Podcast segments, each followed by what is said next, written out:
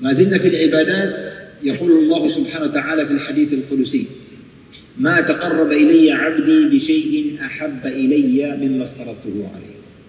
هذه الصلوات الخمس. كم نتهاون في هذه الصلوات الخمس؟ العبادة الوحيدة التي فرضت في السماوات العلى.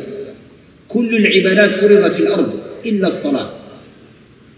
فرضت عند سدرة المنتهى عندها جنة المأوى. إذ يغشى السدرة ما يغشى ما زاغ البصر وما طغى لقد رأى من آيات ربه الكبرى. هناك فرضت الصلوات لأهميتها. والله سبحانه وتعالى أثنى على المؤمنين وبين بأن الفلاح معهم اتصفوا بصفات سبعة. من هذه الصفات السبعة صفتين لها علاقة بالصلاة. بسم الله الرحمن الرحيم. قد أفلح المؤمنون الذين هم في صلاتهم خاشعون وختم الله الآية فقالوا الذين هم على صلواتهم يحافظون أولئك هم الوارثون الذين يرثون الفردوس هم فيها خالدون. الفرائض كم تأخذ من أوقاتنا؟ لو جمعنا الفرائض الخمس في اليوم والليلة وصلاها الإنسان صلاة الخشوع لا تتجاوز ساعة. مجتمعة هذه الصلوات الخمس. بالله عليكم أسألكم سؤالا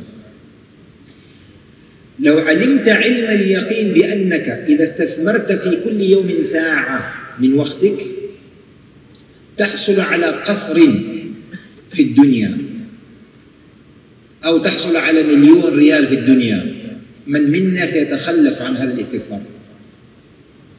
فما بالك بقول الله سبحانه أولئك هم الوارثون الذين يرثون الفردوس؟ الفردوس. ما هي الفردوس؟ هي أعلى ووسط الجنان. يقول الرسول صلى الله عليه وسلم إذا سألتم الله فسلوا الفردوس الأعلى فإنها أعلى ووسط الجنان. إذا مع القرآن الكريم شأن آخر ومع الصلاة كذلك أمر مهم في الفرائض. ثم يقول الله سبحانه وتعالى بعد أن قال ما تقرب إلي عبدي بشيء أحب إلي مما افترضته عليه ولا يزال العبد يتقرب إلي بالسنن والنوافل حتى أحبه السنن والنوافل. في الفرائض الجميع متساوين. المنافسة في السنن والنوافل. حتى أحبه فإذا أحببته كنت سمعه الذي يسمع به وبصره الذي يبصر بها ويده التي يبطش بها. فإذا المسألة تتجاوز الفرائض إلى السنن والنوافل.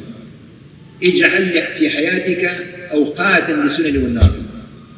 إن لم تستطع خلال الأسبوع فأيام الخميس والجمعة. إن لم تستطع ففي المواسم كشهر رمضان المبارك. إن لم تستطع ففي المواسم كالعمرة والحج. ضاعف رصيدك من خلال السنن والنوافل.